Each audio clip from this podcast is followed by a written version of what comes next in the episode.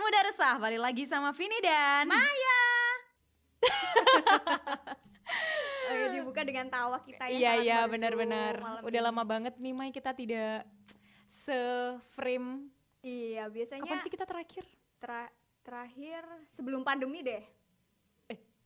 Pandemi, tapi tapi Sebelum nggak kalau di, di- kalau di podcast sebelum pandemi. Oh, udah jauh sebelum pandemi Jauh ya sebelum kita pandemi. ngobrol. Mm-mm. Terus mendekati pandemi kita sempat ada beberapa kegiatan terus yang itu online. Eh, eh, yang online akhirnya online Iya, setelah iya, iya, karena gitu pandemi. kan.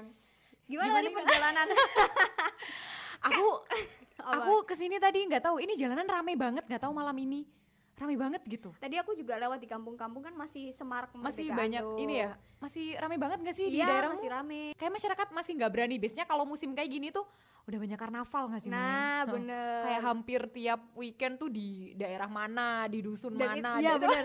Dan itu setiap desa itu ada. Tapi karena kondisi pandemi ini jadi kayak apa ya Eh, ada perayaan lain lah heeh, pastinya perayaan kemerdekaan udah banyak berkurang sih kegiatan-kegiatan yang bawa kerumunan banyak orang Cuman gitu. untungnya tradisi untuk gotong royong untuk kayak menghias kampung segala macam itu Masih ya, ada. Karena heeh. juga kemarin kan kayaknya dilombakan juga kan di di Lumajang sendiri kan. Iya ya ada beberapa daerah kampung. yang heeh. dan itu bagus-bagus loh berseri? Vin. Hmm, oh ya. Meskipun misalkan nggak dilombakan per itu ya sekarang kan banyak instansi yang mengadakan lomba foto kampungmu, foto apa. Kemarin juga eh, Hmm. tempatku kerja juga sempat mengadakan lomba untuk foto kampung, gimana suasana kampung saat pandemi itu kan juga sangat-sangat menguntungkan buat eh, yang mau menghias kampung atau Iya, iya. apa. Mereka masih tetap Jadi lebih masih ini ya, kayak juga. hiasan kampungnya juga nggak cuma dilihat sama orang kampung situ dan Mm-mm, sekitarnya, malah malah Lebih jadi lebih banyak. banyak yang nonton kan karena Iya, dilombakannya bener. virtual juga. Virtual. Eh, tadi ngomong-ngomong kamu tadi sempat bilang di tempat kerjamu ada lomba virtual. Gimana gimana mm-mm. kondisi pekerjaan selama pandemi, Mai? Adakah perubahan signifikan? Kalau aku sendiri sih sebenarnya enggak ya, karena aku kan dari awal itu me, apa teleworker gitu. Jadi Hmm. aku kerjanya itu memang dari rumah dari awal. Udah WFH mau pandemi nggak pandemi udah pandemi nggak pandemi aku sudah WFH dari rumah karena kerjaannya kan jauh, kantornya jauh. Jadinya eh, kerjanya dari rumah. Tapi enaknya sih karena aku kerjanya dari rumah eh, maksudnya sekarang ini kan kerja dari rumah akhirnya bukan sesuatu yang aneh. eh, eh, Hah. biasanya dianggap aneh. Ih, Kok tiba-tiba? Iya, Iya, kayaknya di rumah aja tapi rumah banyak aja. paketan datang. Iya, terus kalau diajak kumpul-kumpul, eh anu kan kita di rumah ya. Uh-huh. Terus ada tetangga, ah kok nggak pernah keluar kayak gitu-gitu gitu. Terus kita bilang kerja, Hah, kerja opo toh di rumah toh. Kayak kayak ada ada ada Kerja ungkapan kayak apa? gitu. Kerja Ada apa? Orang arisan ada online atau gimana gitu Heeh, kan. nggak pernah kumpul Hmm. sama tetangga ya kan kita kerjanya nggak kelihatan orang tapi duitnya ke- kelihatan.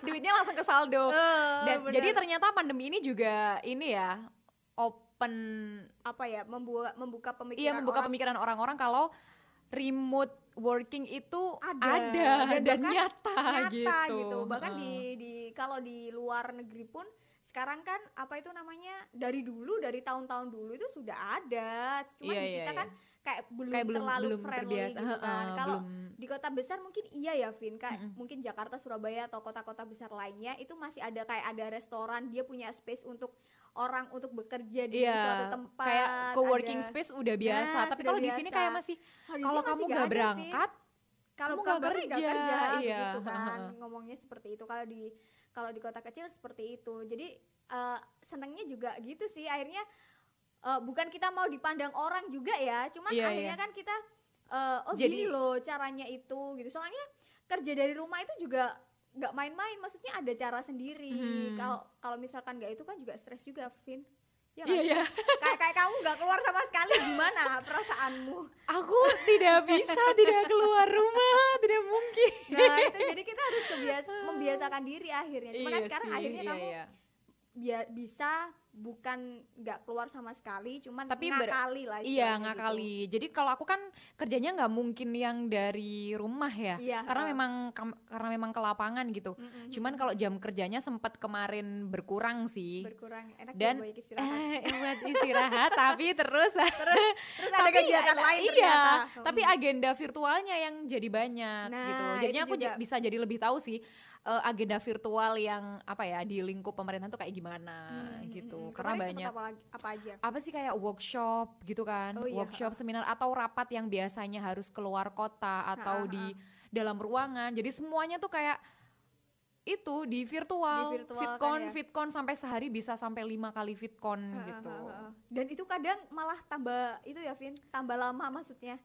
Gak sih? Di Kayak, teknis ya persiapannya udah Iya. lama terus tiba-tiba kita kan nggak kerasa ya namanya ngobrol maksudnya ngobrol virtual segala macem. Eh Iya. tahu-tahu sudah berapa jam gitu. Terus akhirnya biasanya satu hari cuman ada 2 sampai tiga rapat misalkan. Kadang kalau Bisa misalkan lebih. itu bisa lebih. Karena kayak kebijakan atau rencana yang udah di planning dari fitcon sebelumnya bisa jadi ganti kan. Nah itu gitu. kan. Karena Jadi- kondisinya ya itu dinamis banget kan sekarang kita masih nggak tahu. Tapi akhirnya kita biasa ya kayak kayak nggak nggak itu lagi lah. Maksudnya ada kerjaan ini kita akhirnya dadakan itu bisa. Iya ternyata kita Ternyata bisa eh, kita karena dadakan. tempaan kondisi Heeh, ini tempat- jadi apa ya manusia tuh emang cepat adaptasi gitu. Bener heeh. dapat nemu aja jalannya oh nggak bisa kayak gini berarti harus cari Kita jalan harus lain cari- gitu. Ah, bener. kreatif. Tambah Manusia, kreatif. iya. bener. Manusia tuh emang udah didesain untuk ini bisa cari jalan keluar di kondisi tersempitnya gitu. Nah bener. Kayak sekarang ini kan kayak gitu kita ada ini oh ini gini ya udah langsung bisa langsung dik, dik, dik, dik, dik, gitu. Apalagi sekarang sudah canggih Vin. Iya kalau Iya, iya. dulu kan kalau dulu zaman zaman kita masih eh, SMA mungkin atau kuliah kuliah pun kita nggak terlalu canggih banget kan Iya, jadi nggak- orang. Zaman kita. Zaman kita ya setelah apa kita Iya waktu masih kita belum lulus Heeh, gitu misalkan kan. Masih banyak itu ini. datang saat itu misalkan saat kita masih Hmm. teknologinya masih terbatas dalam artian seperti itu. Mungkin ya bisa lah kita menyesuaikan atau adaptasi dengan yang baru cuman eh, beda dengan sekarang. Sekarang itu kayak tambah maju aja gitu Iya, Vin. Dan- kayak sekolah itu juga tambah Iya dan apa-apa mulai dari presensi aja udah udah online kan. Nah, kayak bener. semua hal yang di jarak jauh udah nggak nggak aneh Nggak gitu kan aneh. sekarang. Mm-mm, kita udah yang waleh diri. dan lumrah banget gitu. Mm-mm, termasuk sekolah-sekolah tuh. Wah itu kan bener. eh, awal-awal kayak yang aduh gimana sih caranya untuk untuk sekolah jarak jauh eh ternyata bisa Ternyata loh. bisa, bisa banget gitu. bisa Bahkan banget apa ya eh, adik-adik yang masih sekolah yang bahkan di desa itu udah Mhm. mulai ya karena tuntutan juga ya jadi Tuntutan. orang tua juga belajar nah itu nah, jadi le- efek bagusnya itu ke orang tua juga loh Maya kayak kemarin-kemarin mungkin anak cuman dikasih HP orang tua nggak bisa tapi Mm-mm. sekarang itu orang tua paling nggak tahu gimana caranya Benar. mengoperasikan HP gimana Heeh, heeh. caranya isi ulang kuota gitu kan nah, gitu. jadi ada ilmu yang secara keharusan mereka tahu mereka tahu kalau ternyata sinyal itu sulit didapat misalnya gitu. Kalau ternyata Heeh, kalau ternyata Bitcoin itu lebih banyak menghabiskan kuota nah kayak gitu. gitu-gitu. Akhirnya tahu ada dan tuntutan melek teknologi gitu karena Mm-mm, pandemi ini. apalagi di desa Vin. Di desa kan kerasa banget ya kalau mungkin di kota ya sudahlah sudah Udah biasa, biasa kalau gitu. di desa itu kita akhirnya eh, apa ya dari awal anak-anak SD anak-anak mereka itu ngerti teknologi kalau sudah masuk SMP atau jenjang SMA yang di sana itu sudah ada tel apa apa sih namanya komputer ya Mhm. Ah, yang di sana sudah ada komputer dari sekolahnya tanpa kita perlu susah-susah beli, terus diajarin sama gurunya. Iya Hmm. nggak sih? Kalau sekarang itu kita belajar sendiri. iya iya benar Mau jadi tidak lebih mau kita harus belajar.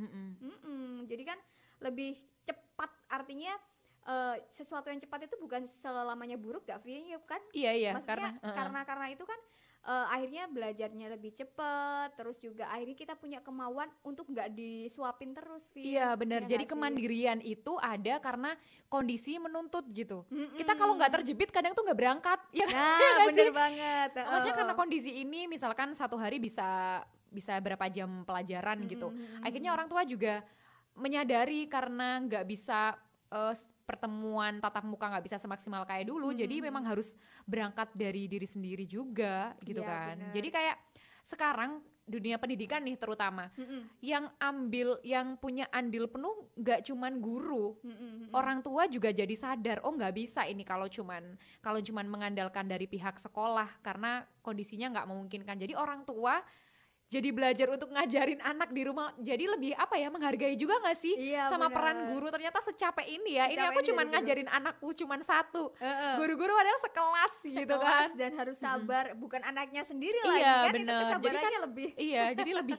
gimana dilema gitu kan ngajarin Iya, yang bukan bener. anak sendiri Nah, itu Mm-mm. benar-benar jadi pecutan lah, pecutan semangat buat kita termasuk akhirnya banyak inovasi-inovasi Iya, yang benar, benar. termasuk juga eh, apa menuntut kita untuk lebih peka terhadap sekitar Iya, juga kan. Vin. Sosial kita jadi tinggi kayak di Lumajang sendiri banyak orang-orang individu bukan cuman eh, apa itu namanya Instansi atau instansi atau organisasi, organisasi yang menyediakan tempat untuk nih aku punya wifi di rumah iya iya benar datang. sekarang bahkan kayak tempat-tempat kafe gitu Heeh, ya heeh. itu udah kayak udah biasa dibuat Udah biasa dibuat dibuat belajar anak-anak nah gitu dan mereka kayak yang bukan bukan sesuatu yang dipaksakan maksudnya Hmm. eh, bukan apa ya mereka semuanya jadi punya rasa untuk memberikan sumbangsi lebih iya kayak jadi kesadaran ya. gitu iya bahkan akhirnya- sekarang kadang aku lihat di kayak balai desa gitu ya Mm, itu mm. banyak anak-anak kecil Nah. karena kan tempat-tempat pemerintahan balai desa gitu udah Mm. dilengkapi sama wifi Mm-mm. itu anak-anak belajarnya di situ belajar di sana meskipun semuanya juga harus tetap sesuai dengan protokol kesehatan iya ya iya karena mereka juga benar pasti pakai masker jaga jarak Hmm. dan ditata sedemikian rupa. Apalagi kalau di rumah-rumah gitu Vin maksudnya mereka mau menyediakan tempat untuk belajar anak-anak terus dibatasi. Misalkan sekarang ini 10 anak aja misalkan Seka- sekarang ini lima anak aja itu kayak gitu. Mereka Oh, itu sampai itu sampai sih seperti itu. yang programnya di Lumajang ini gak sih guru sambang ya Nah, sekarang? Akhirnya juga inovasi itu juga datang kan Iya, jadi Hmm. waktu itu eh, ini memang dari dinas pendidikan itu dituntut untuk karena kan udah ada mandat dari dari pusat ya, Iya, kayak nggak benar. nggak boleh masih belum dapat izin untuk mengadakan Eh, tatap muka tatap muka sekolah tatap muka. Akhirnya dinas pendidikan Kabupaten Lumajang ini cari cara gimana gitu biar Mm-mm. pembelajaran tetap berlangsung tapi juga nggak menyalahi aturan dari pusat. Akhirnya ada itu kan guru sambang kan Iya, sekarang benar. udah berjalan udah eh berapa lama sih? udah lama lumayan berapa lama sih. berapa bulan ya? eh sat- satu atau dua bulan ya Vin? Aku lupa. Udah dua bulanan kali ya, Kayaknya, Heeh, udah dua, udah dua atau tiga bulanan. dua bulanan gitu. Dan juga eh, aku kemarin juga langsung itu Ada sih. gak sih di daerah tetanggamu yang dibuat tempatin guru rumahku rumahku.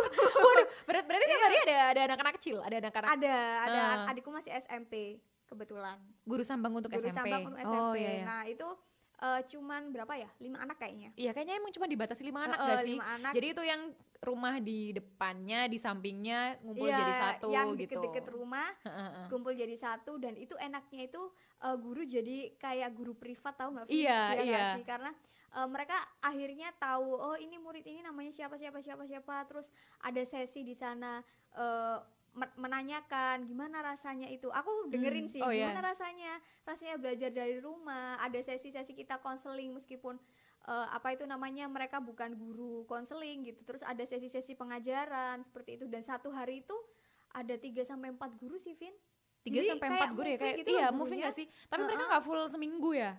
seminggu berapa? Oh, satu Oh, minggu? enggak. eh gimana sih Kayak seminggu, berapa itu hari tatap muka nggak sih? Vin misalkan Oh, gitu. dibagi gitu ya di grup kelompok dikelompokkan ya misalkan minggu ini eh, ini ini ini ini kelompok ini ini ya itu itu aja yang tatap Hmm. muka yang lainnya online gitu kan karena gurunya terbatas kan Vin nanti Oke. minggu berikutnya ada kelompok lain yang yang itu yang sudah tatap muka online lagi kayak gitu jadi pembagiannya Oh. seperti itu sih Aku kalau teknisnya nggak terlalu tahu sih ya karena rumahku nggak ditempatin buat guru sambang. Guru sambang, Cuman ha. setiap kali kayak misalkan berangkat kerja atau Hmm, ini, hmm, itu kayak ngelihat setiap satu RT itu ada Eh. satu rumah yang buat tempat tempat belajar di belajar, halaman di rumahnya. halaman, Ntar ada lagi. Jadi kayak apa ya? Melihat pendidikan di hari ini tuh budaya belajarnya jadi nggak cuma di sekolah Nah, aja, tapi bener. di di perkampungan, maksudnya di perkampungan. pemukiman gitu. Dan guru sama orang tua jadi lebih deket kan nah benar karena tahu gitu jadi belajar sama dilihat lihat sama ibunya sama ayahnya gitu di halaman rumah Terus gitu juga kan. Vin ada lagi satu poin kalau belajar itu nggak selalu di sekolah. nah itu, itu Itu.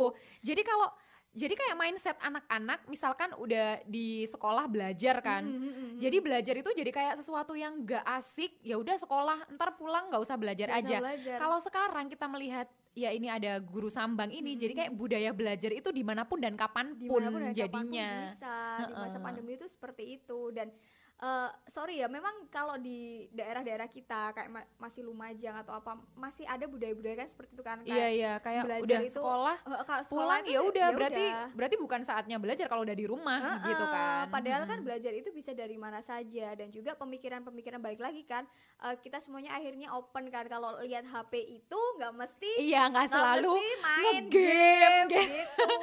jadi jadi orang tua juga lebih melek meskipun tetap harus diawasin Tetap ya. harus Heeh. Diawasin. Tapi ya ya banyak lah banyak banyak hikmah yang bisa kita ambil dari Mm-mm. selama pandemi ini ya nggak sih Vin? Iya, iya, Terutama benar. dalam berbagai hal. Sebenarnya semuanya bisa kok diambil sisi positifnya dari dulu kan mesti ada positif ada negatifnya. Mungkin negatifnya kita jarang bisa menyelenggarakan kegiatan offline, Offline, iya. gitu. Ada beberapa memang kan yang harus offline tapi Hmm. akhirnya ditunda dulu atau diakali dulu atau diapakan cuman kan tetap ada sisi positif dari eh, hal ini Mhm. begitu.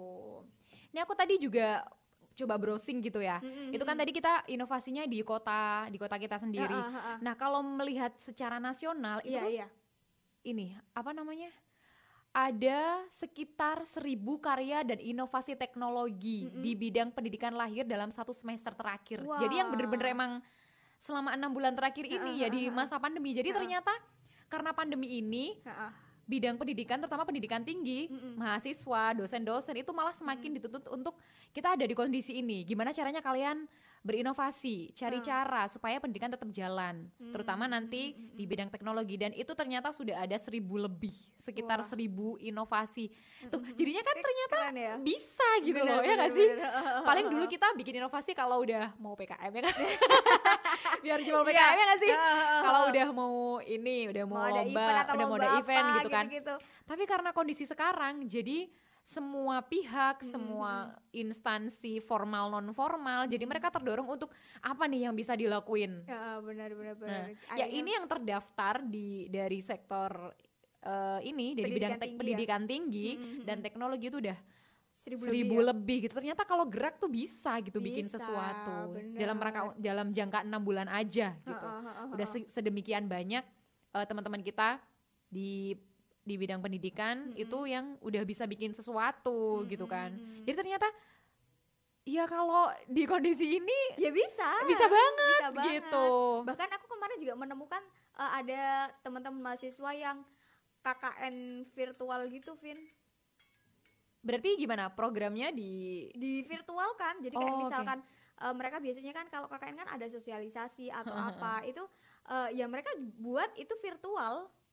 Hmm. bagaimanapun caranya mereka bikin video ya benar bikin inovasi apa inovasi apa gitu dibuat virtual dan itu kayak tidak mungkin namanya juga kuliah kerja nyata ini nyatanya gimana Tapi Iya, ternyata gimana? mungkin loh Vin Tapi bisa ya bisa virtual. ada KKN virtual ada wah pokoknya semuanya itu virtual orang lomba makan kerupuk aja sekarang Iya, iya. ya iya kemarin terakhir aku lihat beberapa gubernur yang ini Ikut. kan dilombain virtual itu makan kerupuk. eh, kalau nggak salah BUMN ya program apa filternya BUMN Iya iya iya. Nah Heeh. itu juga aku kemarin sempet coba-coba Ya namanya kita kan nganggur di rumah ya Iya Maksudnya iya iya. Akhirnya ikut cari liburan ikut-ikut Makan- lomba- makan makan kerupuk. kerupuk virtual Macem-macem lombanya dan itu tuh seru banget Malah kita kan pesertanya jadi lebih banyak dari mana aja Iya, gitu jadi kan, bisa Vin. lombanya sama orang se-Indonesia Sama gitu kan. se-Indonesia. Heeh, yang Terus biasanya cuma sedusun atau se-RT gitu. Heeh. terus akhirnya share share maksudnya eh, orang yang awalnya nggak tahu kita akhirnya tahu setelah melihat kita misalkan gitu kan Iya, iya. sekarang kayak gitu Vin